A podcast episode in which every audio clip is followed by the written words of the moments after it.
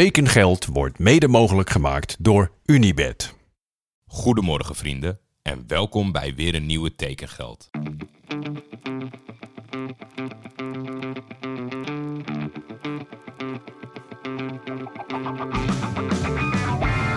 Waar gaat Hilterman naartoe? kan u mededelen dat er overeenstemming is bereikt met Johan Cruijff bij Feyenoord. Navarone voor. Vandaag in andere kleuren, hè?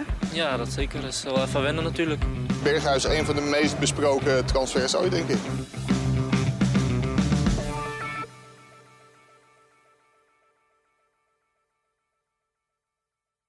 Maandag, hekkensluitersdag. Genoten weer van het heerlijke kletsen met mijn team bestaande uit Danielle, Jan en Jean-Paul. Check dat zo als je nog een hele dag te gaan hebt na deze transfer-updates. Morgen zijn de Eredivisie Awards te zien bij ESPN. Ja, of eigenlijk, jullie luisteren het natuurlijk in de ochtend. Vanavond. En aansluitend zit ik onder andere met mijn grote vriend Leo Driessen bij Voetbalpraat vanaf kwart voor tien. Over naar het laatste hete transfernieuws, want het was een drukke dag. Geen rectificaties, in ieder geval niet voor mij, maar voor Transfermarkt. Daarover straks meer. En geen ontvangen aanvullingen. Dus meteen van start. Rio Ave heeft bekendgemaakt dat ze Andreas Samaris voor één seizoen hebben vastgelegd. De speler komt transfervrij over van Fortuna Sittard. De Portugezen zijn euforisch over de voormalige Griekse international... die jarenlang een noodverbandspeler was bij Benfica... Andreas Samaris verscheen dit seizoen nog niet aan de aftrap en gezien zijn bijdrages aan het veilig spelen vorig seizoen bij Fortuna wordt hij nu al gemist. In navolging van Kacper Kozlowski, misschien toch wel een Poolse nieuwe eigenaar voor Vitesse denk ik, heeft Vitesse opnieuw een Poolse speler aan boord gehaald. Het gaat om de 20-jarige spits Bartosz Bialek, die voor één seizoen gehuurd wordt van VfL Wolfsburg. De aanvaller sluit per direct aan bij de selectie van trainer Thomas Letch. Bialik is een klassieke spits die zijn loopbaan in zijn geboorteplaats begon bij Stalbrsk. Via MKS Olawa kwam de aanvaller in 2014 terecht bij Zaglebi. Daar debuteerde Bialik een dag voor zijn 18e verjaardag in het eerste elftal. Wat volgde was een sterk debuutseizoen waarin zijn doelpuntenmoyenne behoorlijk was met 9 goals in 19 extra klasse duels. Het hoogste niveau in Polen.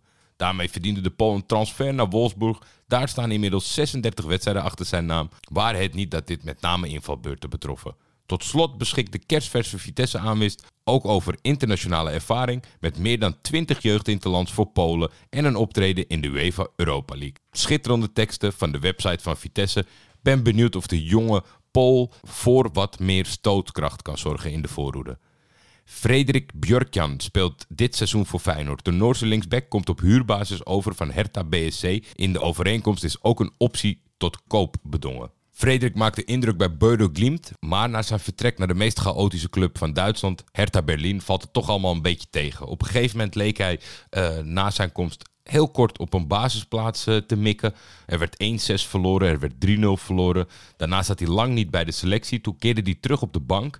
En ergens was nog wel een dieptepunt. Ik geloof tegen Bielefeld, ergens op het einde van het seizoen, kwam hij erin na 65 minuten. En moest hij er ook weer af voor het einde van de wedstrijd. Wat omschreven staat op Transfermarkt als zijnde een tactische wissel.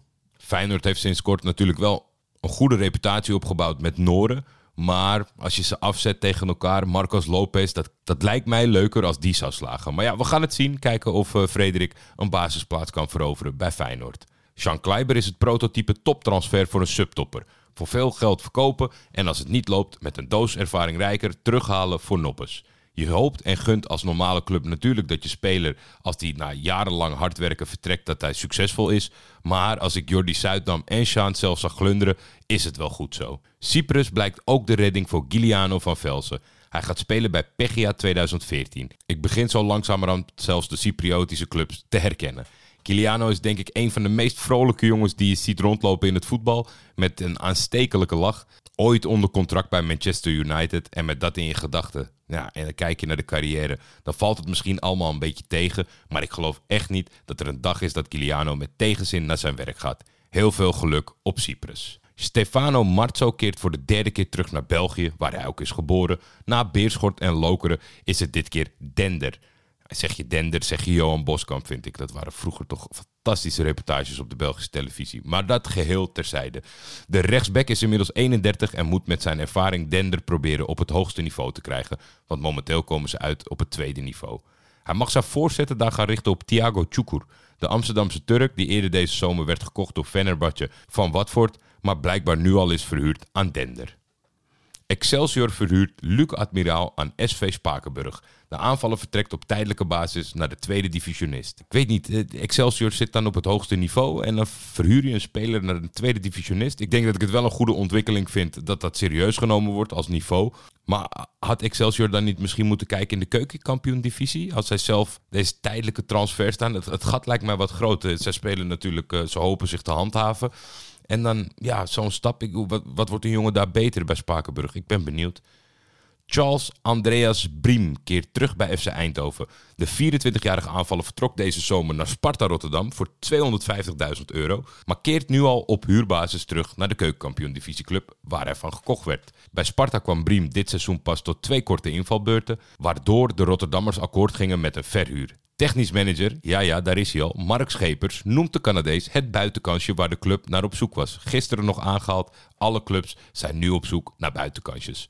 Vorig jaar heeft hij een onuitwisbare indruk gemaakt bij ons en vervolgens een verdiende transfer gemaakt naar Sparta. Met het oog op onder andere het WK wilde hij graag bij ons terugkeren. Ik ben blij dat dat gelukt is. Weet je waar ik snel naartoe zou terugkeren na een overstap? Naar modern.nl, de maatwerkwebsitebouwer voor de MKB'ers en freelancers. Marco ging voor mij aan de slag met wat abstracte ideeën die ik had en wist die om te toveren tot een website die ik nu te pas en te onpas deel met mensen.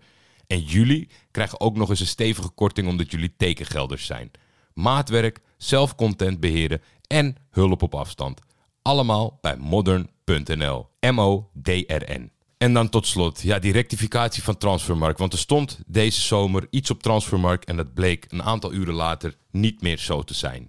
Ik heb denk ik een week geleden de Xandro Schenk trofee gewist uit mijn document met reminders van wat we ook alweer elke dag bespreken. Niet wetende dat misschien wel de ultieme winnaar zich zou aandienen deze zomer. Silla zo. Wat heb je gedaan, man? Weken is de graafschap met je bezig geweest. Uren zitten erin voor die club om de rijke eigenaar van Sheffield te overtuigen om mee te werken aan een overgang. Je neemt een ticket aan van de club. Via de social media kanalen wens je oude club je succes bij een nieuwe werkgever.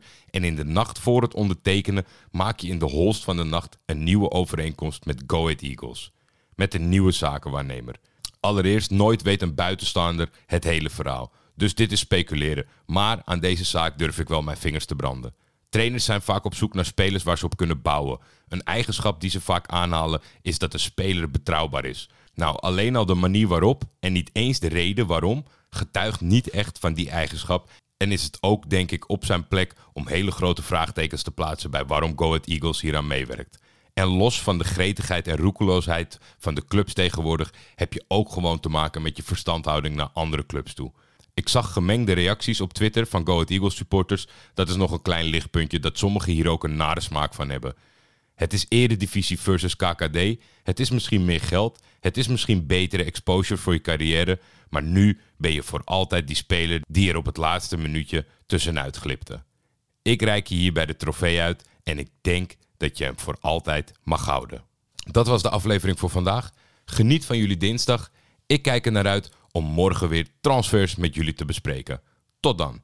Tekengeld is een Schietvogeltje Media original. De intro's van Jacco den Hertog. Voor commerciële vragen en of samenwerkingen kun je mailen naar schietvogeltjemedia.gmail.com.